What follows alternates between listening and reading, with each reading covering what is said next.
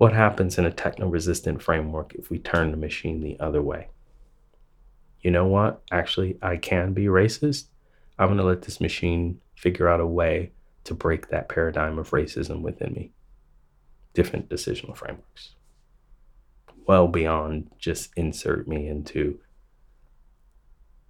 I don't need a soap dispenser to recognize my dark skin. I can use a bar of soap. I think we're fine. I'm okay. What I needed to do is protect those children that continue to be stopped and searched, continue to be killed in the street, continue to be devalued. That's what I needed to do.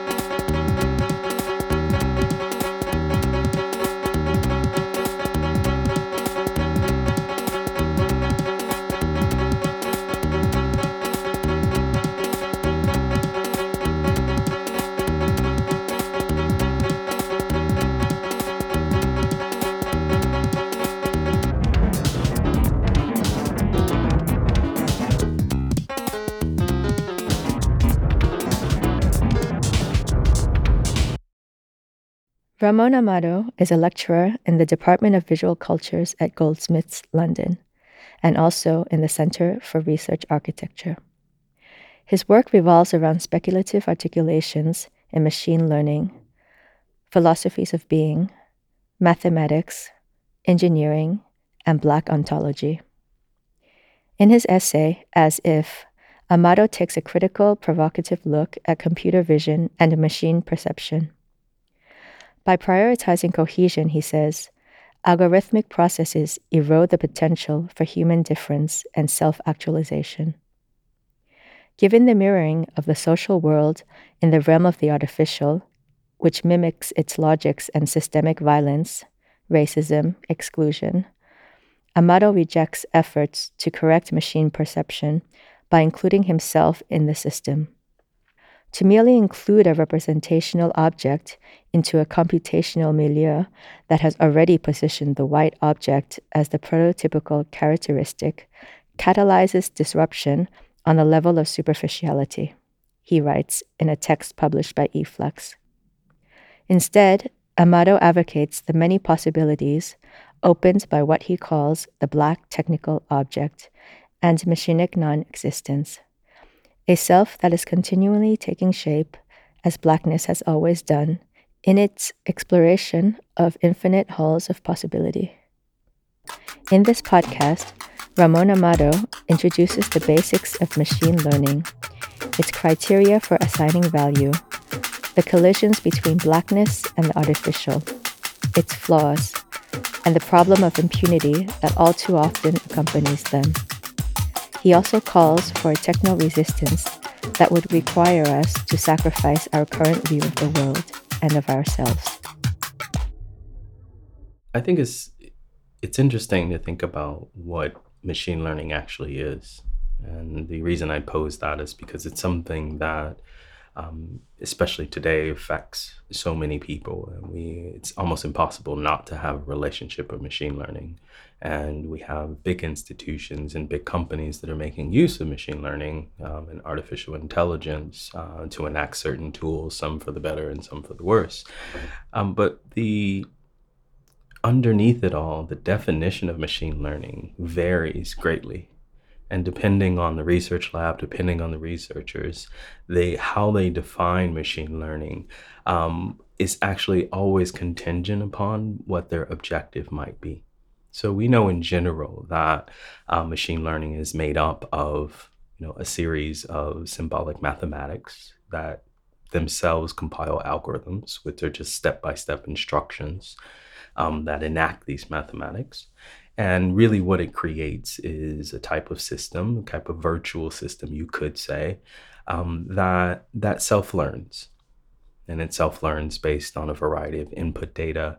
Um, some of these tools are more sophisticated than others in that process of what learning really is. Um, but when it comes down to a primary definition of machine learning, um, it's it is, as I say, is quite varied um, which is unusual to think about how pervasive the technology is and our own uh, elations and discomforts with with it is. And I'm not convinced that actually the um, I guess you could call it the scientific community or maybe an engineering community, so on and so forth, um, really hasn't honed in on a single definition. And I think it's because of the relationship that machine learning has to its fundamental basis within mathematics, but then it's also um, the primary focus on its outputs. And so then the objectives, then the the aims of a particular research lab or a particular engineering team becomes the overriding important element of machine learning itself. So in a way, it's not necessary to define machine learning. Um, in most communities, it's only necessary to define what you want machine learning to do.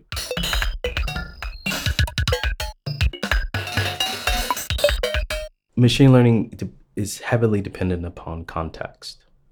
So we we know again that you're taking a, a set of training data, which could be what they call structured, which is um, you know the the actual engineers or computer scientists they they know the structure of the data and they will train the machine learning algorithm to produce certain outputs and you know that it works based on if the outputs match the inputs um, but there's also unstructured data, which is quite is more chaotic. You basically don't know what patterns um, are in this particular type of data, and then you sort of see what outputs happen, like what the algorithm recognizes as a pattern and what correlations that it can make.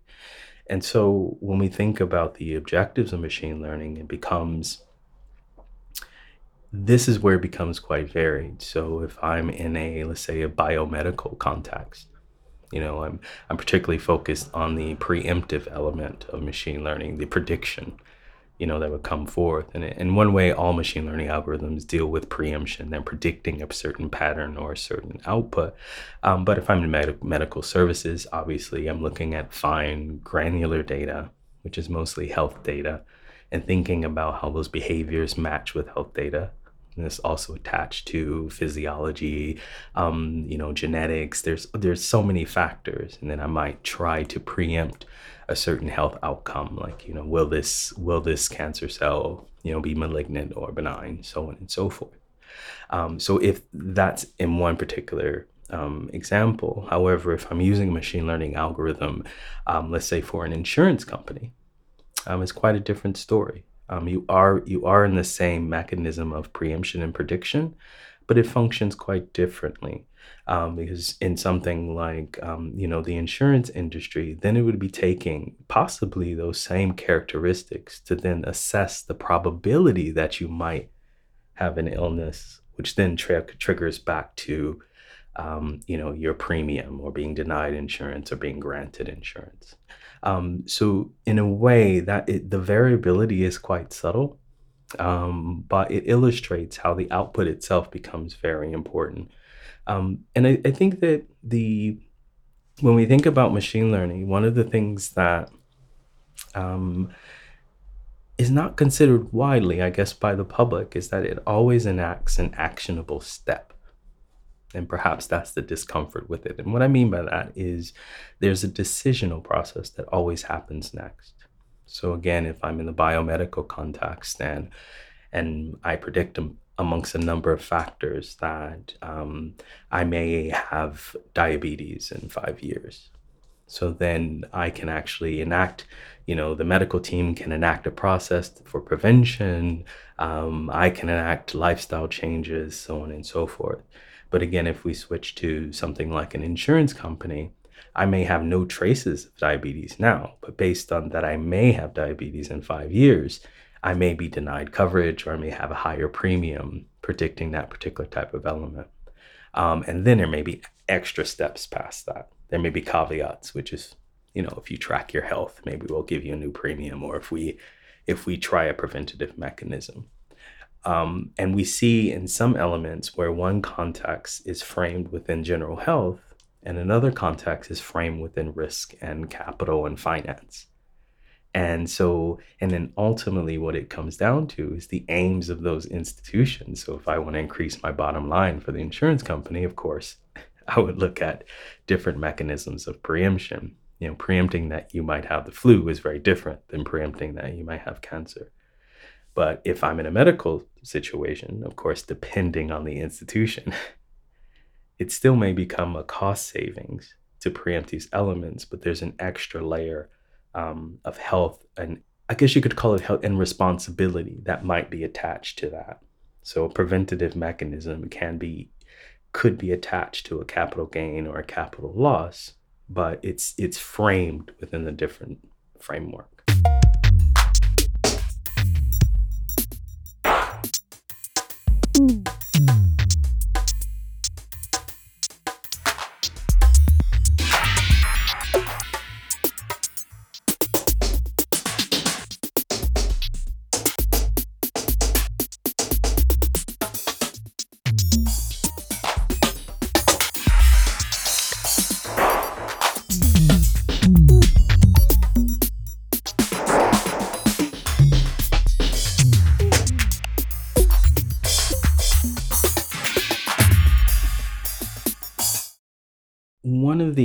Elements about machine learning, and I think it's important to understand that it's actually a language within itself.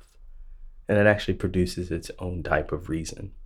And we can think about um, other forms of languages, you know, it's English, Dutch, German, so on and so forth, um, where when they're an isolated body, so if we think about Dutch in this particular context, when it's an isolated body, there are nuances to the language that allow people who share that common language to understand those nuances that we produce as humans, as those dynamic things, and is how the language actually grows into slang words, into different variations, so on and so forth. Where, be, where language becomes, um, in a sense, more limiting is when that language is compared to another language right? So if I'm speaking Dutch and I go to the UK and we speak in English, then you start to see the limitations of both languages. I want to express this, but I cannot express it. There is no word to express this. And then you sort of negotiate a middle ground. But when we think about machine learning as a series of symbolic mathematics, I mean, th- these mathematics are actually designed to reduce that type of dynam- dynamism and contingency. So, in a way, even comparing it to sort of spoken types of languages, it always enacts that that disjointed process of trying to negotiate what is understood by the average person and what it understands. Now, even saying that what it understands automatically poses it as some type of entity or some type of alien. But in a way, it's difficult to even avoid the use of those terms because, you know, in a way, this this technology is quite alien you know, the mathematics aren't alien. The mathematics themselves are quite ancient, actually.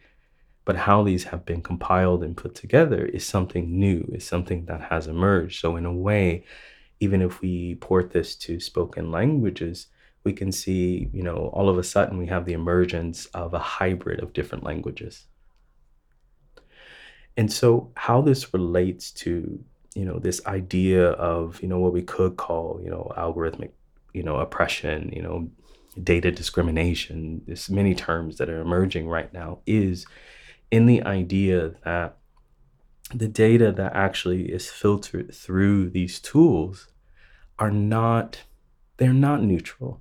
They're not objective any more than you or i or anyone in the world is new is 100% neutral and objective.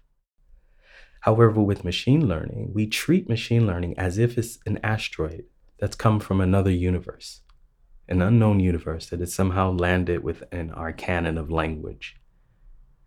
And then it produces something that we have already seen, we already understand, we already know, but then we're surprised by it because we keep positioning it as if it is something that it is not. And so, really, what it gives it, what lends itself to um, predominantly today are two choices. It's either this alien being like this asteroid from another universe or it's a sentient being. It's very anthropocentric in that sense. And that's the only way we've come to even comprehend this. So when an algorithm is racist the only way we can comprehend it is as a racist human being you know when an algorithm comes up with a new you know an advanced neural network comes up with a new language in communication with another advanced neural network then it then all of a sudden the same entity turns into an alien because it's outside of the context of what we understand And in that way, what it does is it reduces, is basically accepting the limitations of the languages that we already know.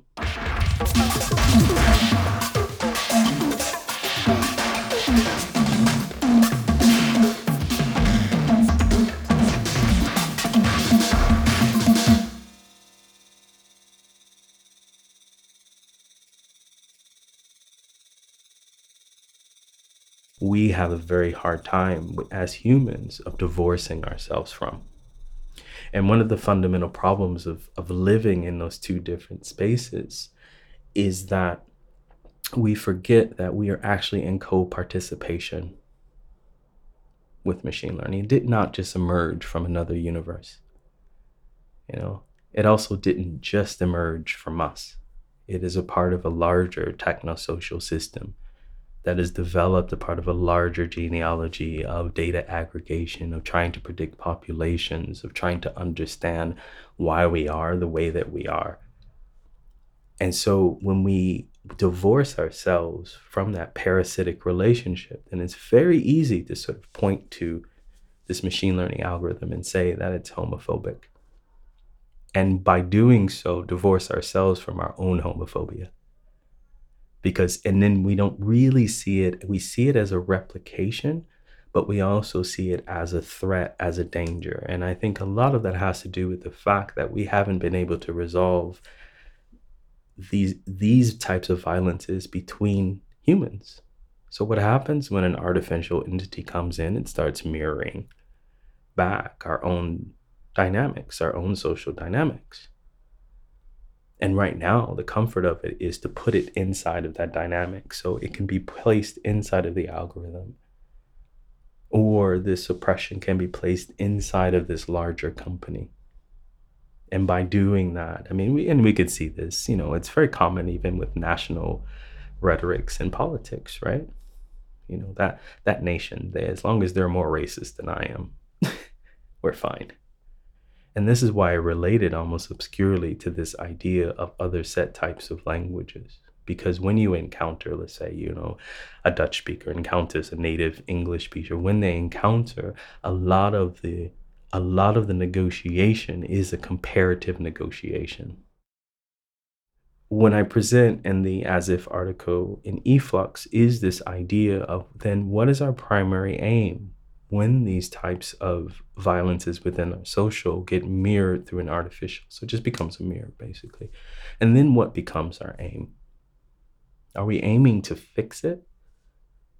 Are we aiming to insert ourselves into the conversation? Are we aiming to re completely re-articulate it? And along with sort of the definition of machine learning, we haven't actually negotiated what an appropriate strategy might be. And so what we're falling back on is what we already know. And, and it's interesting sort of making this, um, you know, and I know it's going sort of in circles here, but it's interesting making this relationship even to this sort of alien asteroid, right? And thinking about the idea of negotiating that that asteroid coming towards the planet can only be framed within how we see the planet. And may and maybe we might ignore the fact that the asteroid actually has other influences and other relationships that, or just may not be interested in crashing to the Earth in the first place. And so, really, what I'm arguing in the in the as if article is basically what would happen if we divorced ourselves from our insufficient solutions. We have an opportunity now as a people, you know, dealing with the crises of ecology, dealing with the crisis of capitalism, dealing with social crises. We have a mechanism now that actually can, quote unquote, see the world differently. And instead of letting it see the world differently to communicate back, on how to re-articulate the frame, we've only put it to use in mechanisms that have failed us to begin with. And in that way, I see it as a missed opportunity, the same way that languages function. It's a missed opportunity to see the dynamism not only in us as human beings, but also the dynamism in the machine itself.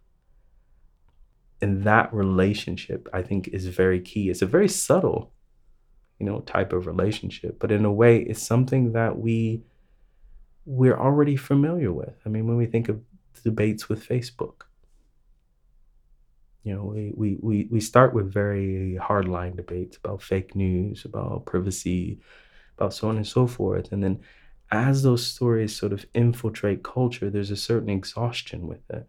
And now what we see are people asking questions. Why do you exist? What are you here for? What is your primary aim? Why why this? This is a this is supposed to be a social network. So but instead of enhancing sociability, it's made it worse. Now, what I'm wondering is if we trust our intuition and our senses to start asking those questions, maybe perhaps the same questions we ask Facebook, then what is the potential of machine learning in general? Because, you know, I, me personally wondering, well, Facebook has these capabilities. I mean, it's very obvious at this point that this one, this one institution, this one entity can affect world politics well, let it loose on something that we haven't been able to solve. let it loose on poverty. Let it loose on war, on other forms of disadvantage. Let it loose on climate change. But right now, it's only been let loose on advertising. And I think so when we think about the as if, because that's that's actually how we would function as human beings, We're letting that full potential loose only to aims that either individualistic or aims that actually might cause more damage than than we tend to solve. And then those that are actually doing value added work, even resistance types of work, get melded into the background, which is what we see in the political climate now.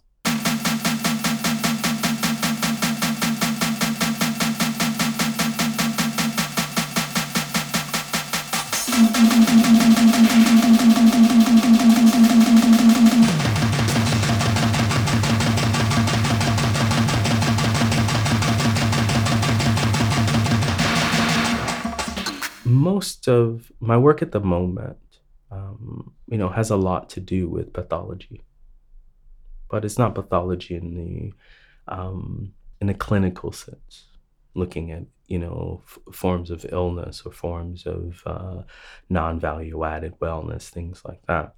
But it's really looking at actually how we see our own affirmative will in any relationship we have, whether that's with each other as sentient beings or with particular objects. So, what I see in the article is a function that we've been seeing over and over again, which is we have some artificial system which is mirroring a violence, which is racism and exclusion. And you have very bright, talented individuals that understand this machine. They understand these algorithms down to the granular level. And when we think about the connection between exclusion and those particular technologies, then it goes back to thinking about okay, what would be the aim? So if if I have an algorithm that excludes me because of my skin color, right? Is my aim to be included? Is my aim to insert my skin color into the algorithm? Or is my aim, as a person who's intimately involved with the algorithm, is my aim to completely re articulate how it sees the world? And those are the two options that I'm sort of weighing. Of course, there are multiple options to go for it. But those options actually require a different type of awareness. Because if I just want to insert my skin color into an algorithm, without an awareness of our sociality or interconnectedness, then I could actually do more harm than good. Because currently, right now, the same technologies that may enact a facial recognition system just for play are the same basis of technologies that run militarized drones, that run security systems in airports and cities and so forth. And we already know that those systems disproportionately target people with darker skin. So I may feel better that my particular facial recognition system recognizes my face. But if I don't see the relationship actually with my other human beings on the planet, by inserting my dark skin in that algorithm, I'm actually giving viability to a militarized drone somewhere in the global south. And I think, you know, even in terms of the airport, in terms of security, you know, as, as a heavily surveyed bodies of people, people with dark skin, are disproportionately surveyed. So, why would I want to actually make this advanced technology more capable of seeing them with clarity? they may have the only break they can get at this point.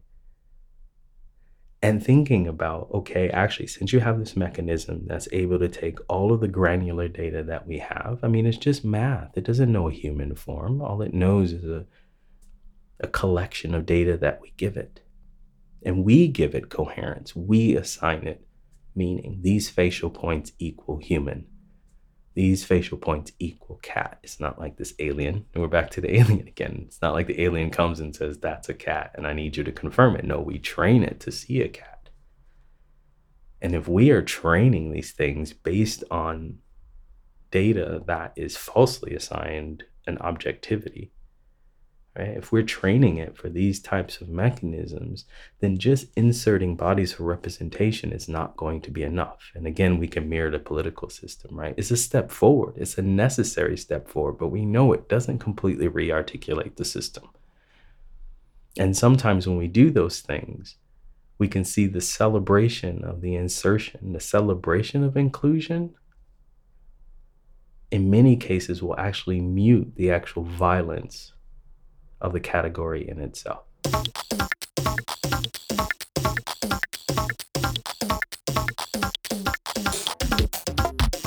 I'm not so much interested in what machine learning can mirror to us. We already know this. We wake up every day. Each person, each one of us wakes up every day and can predict what a machine learning algorithm will do. It will be rude it will enact violence, it'll be homophobic, it'll be racist, it'll be misogynist, it'll be so on and so forth. Because the data that it has to work with is the data that we produce on a daily basis.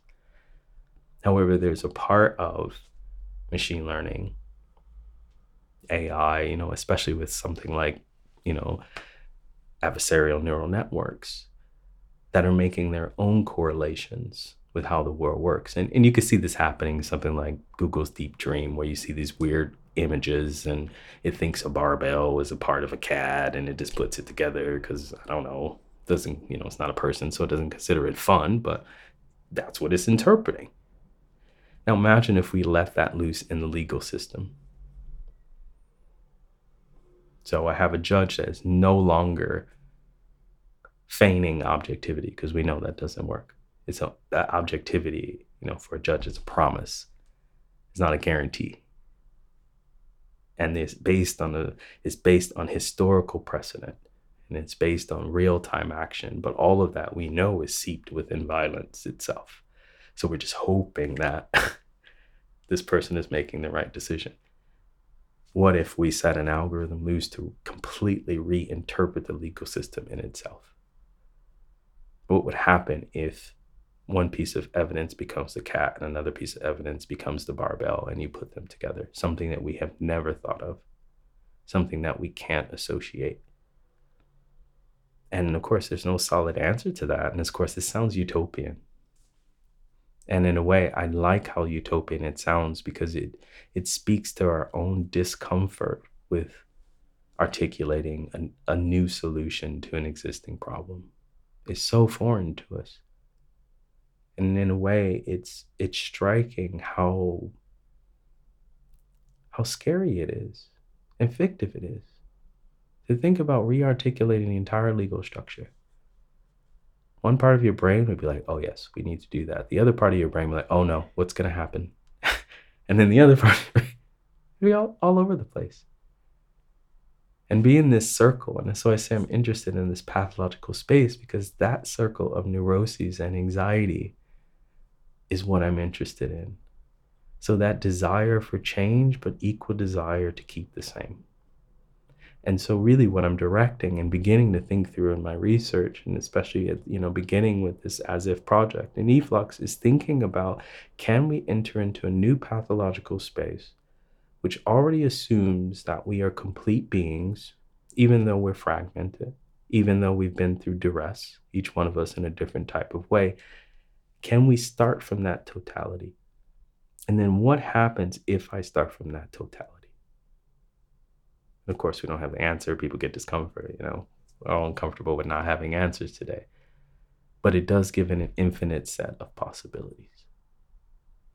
So even if we were to return to the, you know, the Facebook example, you know, in a, in a way, from this framework, you could even see this institution thinking from a pathological sense of lack, which is what capitalism does to you.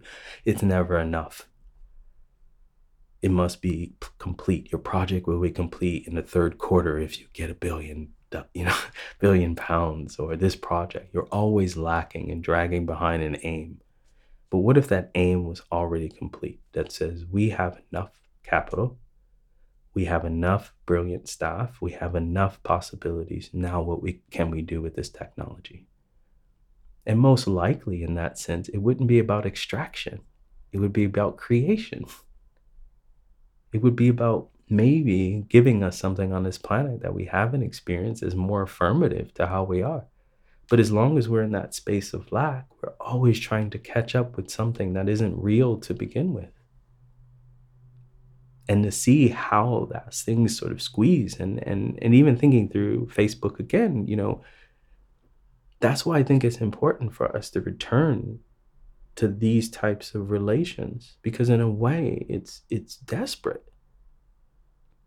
Our, you know, it's discretized us to the point where our our personhood is so discrete, so fragmented, and so categorized and then to watch this company try to squeeze every penny, pence, whatever currency you can take out of any element to the point where even your toenails become valuable. to see the desperation in squeezing that, no wonder we're in a neuroses. No wonder we're anxious. No wonder we feel like we have no privacy. Because each part of us now is, is subsumed into a growth process that's a fictive process to begin with. And and us thinking that well, if we just dismantle Facebook, it'll all go away is about as fictive as saying, okay, well, if you know the Pentagon falls in the ocean, you know, imperialism will go away.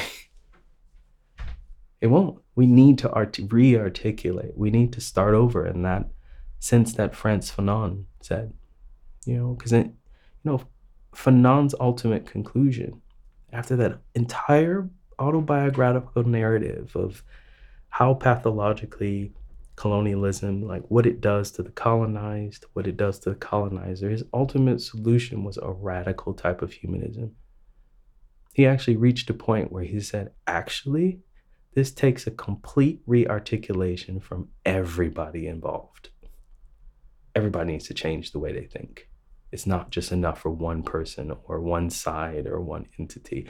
Everyone needs to switch. And when I think through those mechanisms and I change that into an affirmative framework with technology, and if technology is put to the service of adding value, and not a moral value of, oh, it's good, it's a good AI or a bad AI, because that always requires someone in dominance to assign good or bad, but something that's of value, then what it becomes so if this machine learning algorithm is picking up data from your toenails, then it would automatically be designed to ask itself then, how can I add value for you based on your toenails? Not how can I add value to me based on your toenails?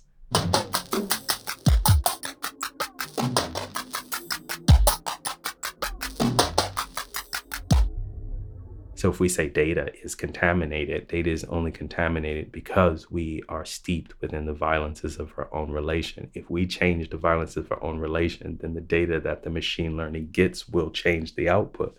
It has no choice, it's just math so the distraction yeah and uh, i hope it makes sense now me thinking about the distraction of the algorithm saying oh this algorithm is such and such. No it's us. And at any point we can make a different decisional framework based on value towards our own individual and collective happiness and understanding that those two cannot be separated. And understanding actually there's value in actually thinking about the value of the collective as well as the value of the individual. And it becomes something that's more complete.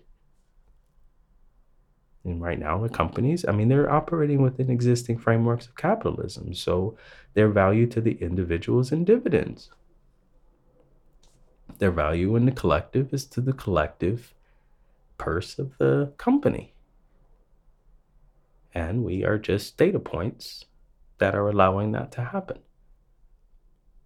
What if we shift that dynamic? I'm not saying these companies should exist. I'm not, you know, I'm in no way a technophobe and I'm no way a, you know, I'm not saying they, sh- you know, should or shouldn't exist. I'm trying to actually to break away from value judgment and go down to actually what it means when we look another person in the face with an objective that I am total, you are total, and my main objective is that I add value to you and I also add value to myself. And if anyone, I, you know, I would solely put my life on this. If anyone comes with those primary objectives, the first thought most likely would not be violence. The first thought wouldn't be extraction to exhaustion The first thought would be how can we do this together? How can I actually understand where you are? What is the, what is the importance of this?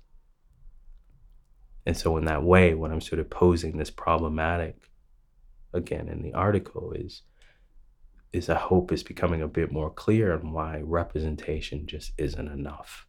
Me inserting my black skin into an algorithm isn't enough. We need to change the way that we see minoritized bodies as already valuable, as already centered, as already in relation, because you wouldn't have a coding library that excluded it if it was already centered.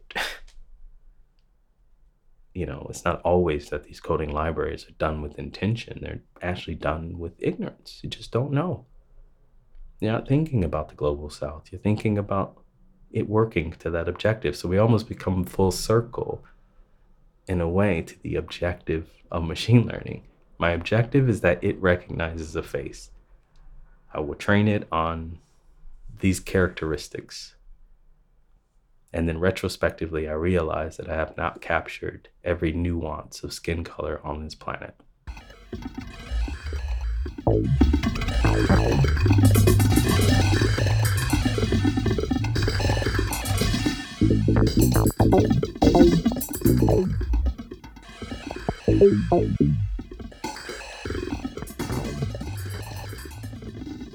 When we talk about the violences of machine learning or an algorithm in general, this is one of the spaces in which it is enacting itself, shifting due process, shifting accountability. Because anytime there's an error or anytime there's a false positive, it's a retrospective action. And what I mean by that is, you know, um, which has happened before. So if I'm a a local municipality and I enact a machine learning algorithm to distribute social benefits, you know, when this child was in Michigan in the United States, and I think it had an 84% false positive rate, is somewhere in the mid 80s percent, which means it misrecognized 84%. And so those people had their benefits were cut and then retrospectively by the time they go through the investigation so they only found out that the algorithm was faulty by the by the sheer number of investigations. But then we can think about the social violence from that because these peoples who are depending on state assistance at this point you know they're going months weeks months almost a year and they're already in a population that can't afford to go a single you know maybe one week so you always have already have this sort of devastating ripple. And then the then the choice becomes either completely disconnect the algorithm, you know, completely take it offline, or or try to reinsert more data to try to train it to be more efficient. But there will always be an outlier. There is no 100% efficiency. There will always be one person, one family out there who's not getting their benefits, who's getting a misdiagnosis, so on and so forth. And in this way, what it does is it shifts what you're saying, the accountability and the due process, because then it's up to the person, it's up to the citizen to prove that they should have been included in the first place. So if I have a predictive policing system it's identified a suspect. That suspect comes into a database. The suspect, who knows how long the suspect will live in the database, will always be correlated with certain types of incidents. And let's say for some reason that correlation matches to a threshold, which, by the way, is established by humans. This is where it's key, because that threshold correlation is always established by humans. So a person crosses this threshold, and then that person must then go before the legal system and prove that either they were not at this location, they were not this, they were not so on and so forth. And so, really, what's at risk is the fundamental sense of a Western politics or even a democracy. The whole point of it was supposed to be representation, inclusion, a voice. And now it's being turned on top of its head to the point where the average citizen then must prove is no more innocent and proven guilty. You're a suspect until proven otherwise.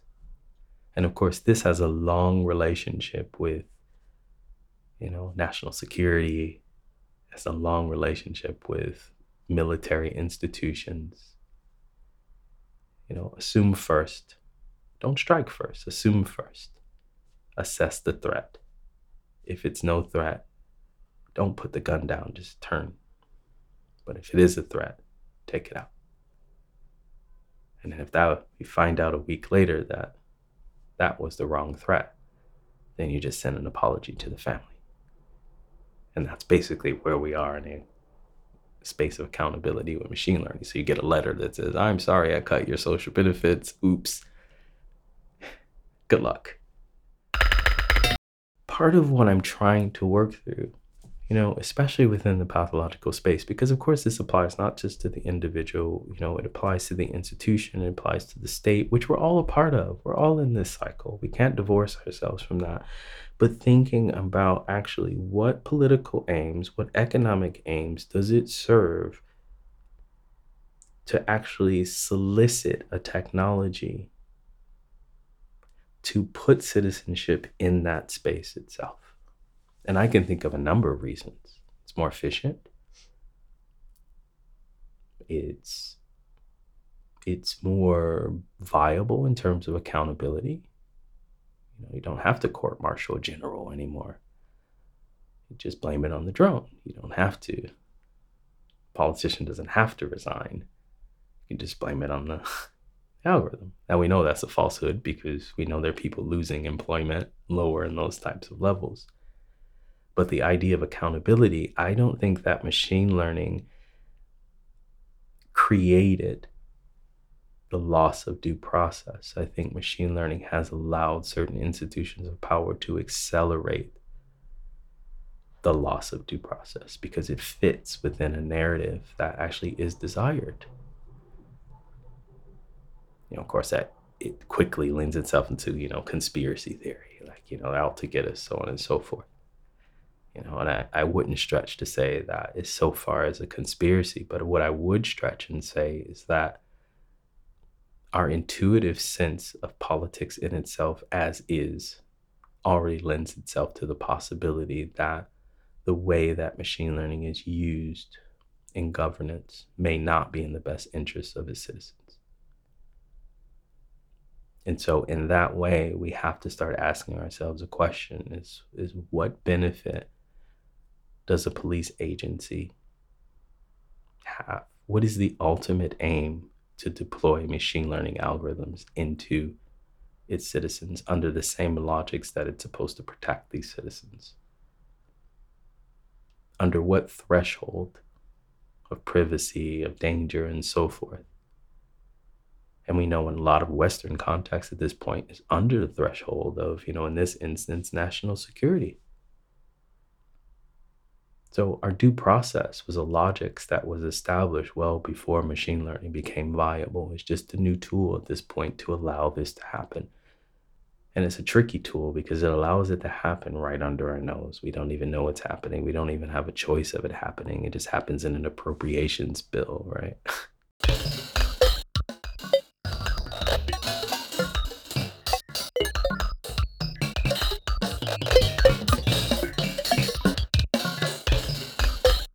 this idea of techno resistance, you know, of course, I'm picking up on a very long trajectory of speculative frameworks, you know, science fiction, Afrofuturism, you know, xenofuturism, sino you know, there's tons of futurisms which are fantastic.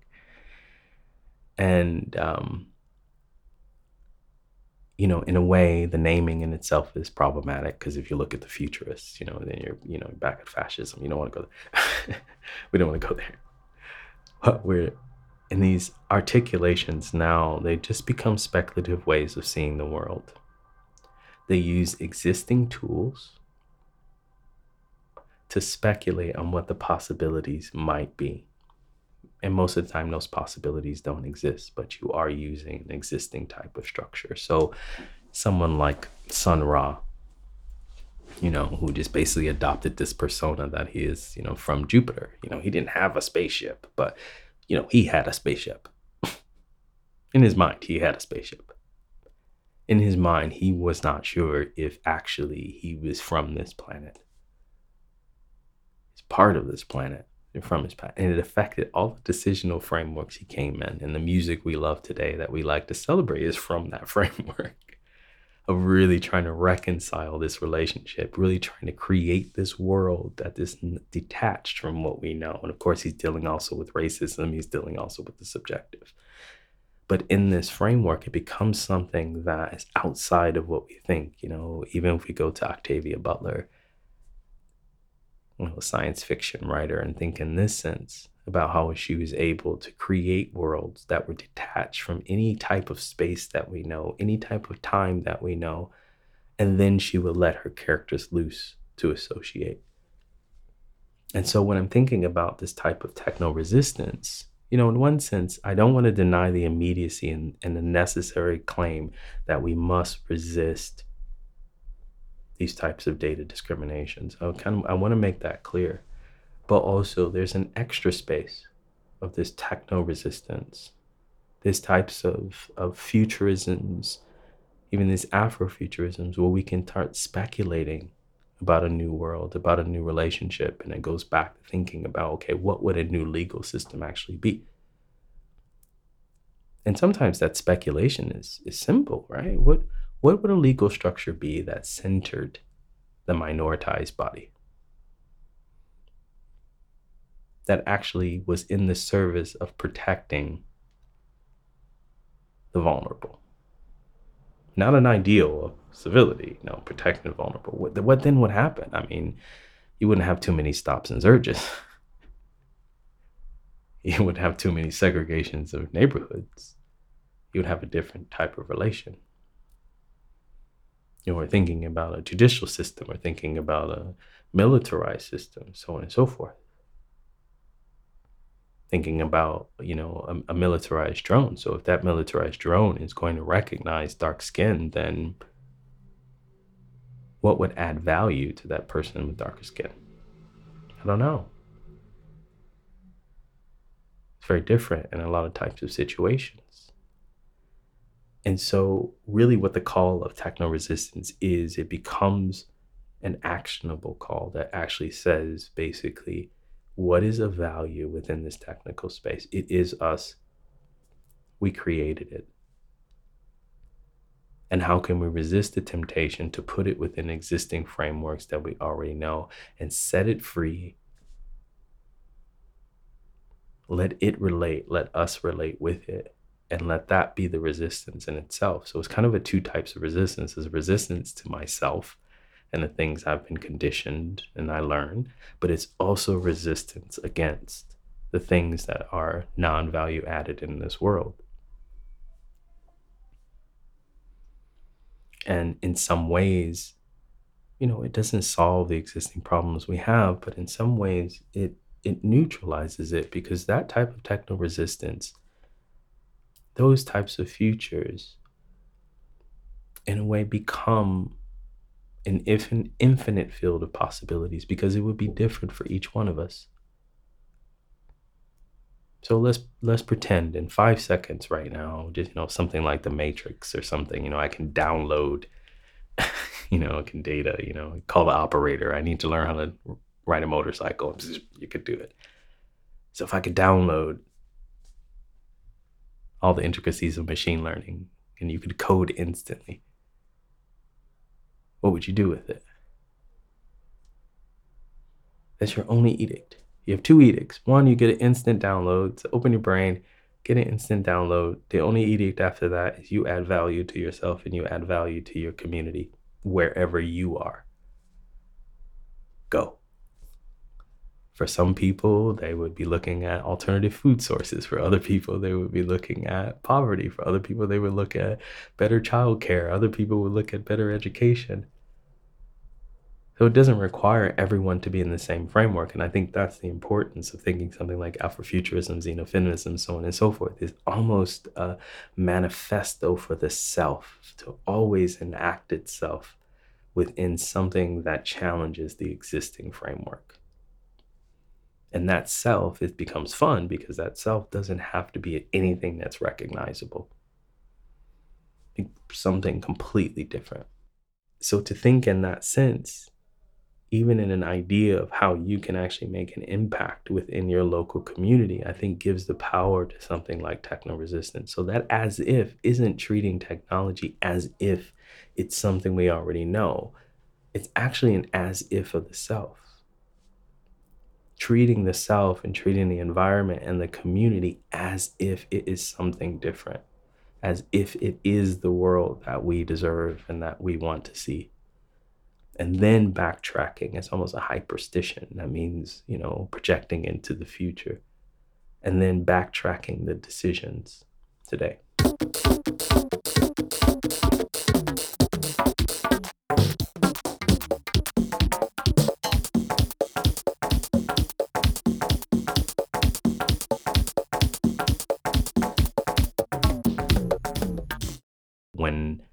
Think about the techno resistant, I think about it as a pure generation of being in itself. That's why the edicts are quite small, like add value, go until you exhaust yourself and you're happy with it. You don't define this, and I, you know, I, I, I typically put it within, you know, within blackness itself, because it is that which cannot be described. It's not the only thing that can't be described. Most of our lives, most of our being can't be described. But when we think of blackness in particular, it is that which cannot be contained. It is that which actually just emerges in the being, in being and producing. And so when I curate shows, when I curate performances, I mean, it's typically it was quite frustrating for the artists that I work with, but it's particularly interesting because that's basically the edict that I give them. Here's a general framework of the problem I'm working through. I want you to generate your blackness at this moment. If you had to generate it, if it had to express itself through your body, what would come out? And so far, some pretty fantastic things, unexpected things, but it's a risk because I have to trust that individual that actually I have to trust them and dedicate myself to the ultimate aim, which is actually them expressing who they are at that moment. Not a past them, not a future them, who they are now. And it makes me wonder in terms of this sort of radical humanism, it makes me wonder what if we all did that and accepted the discomfort of the risk? Because it requires us to trust each other it require us to actually and actually value what is then produced and say, wow, actually, that is you right now. Which means that this event is a singular event because it might not be you tomorrow or the next day or so on and so forth. And it goes back to thinking about how machine learning is used right now you see, and thinking about actually what are the what is the aim of those using it it is definitely not to produce contingency. It's not within politics' best interest if all of us are walking around producing all at the same time. Not great for policing. The only thing that's figured it out is basically capitalism, which is why we get those discrete forms of data. It's just been deployed there. And you could see it articulating itself, right? That's why everyone's starting to hate the digital and starting to hate the online because you're producing and it's the only thing that's capturing that production. I like cats. I want to watch that kitten. I want to make a cat gif. I want to make a meme. I want to make this because I like that cat. And capitalism and machine learning has sucked that up and didn't feed it back to you. It just made money off of it. And that's what I'm saying is what if the lens was turned around to enable you? And actually, maybe that's closer to the original aims of this sort of you know this vast network of the internet while everyone's you know this optimism everyone had in the beginning which is that it would actually open up the relation. Yeah. I forget that sometimes. And i think a lot of people forget that sometimes because it was a failed project. Which is weird because even when we think about the history of humanism because it was a failed project so when you talk about a radical type of relation, we don't want to hear it anymore because we know that it failed in that sense. And anyone who's trying to rearticulate the space, we cannot not assign a value to it. We want to focus on the problem and not necessarily thinking about actually what is the best solution that's possible and what's going to prevent us from repeating this all over again.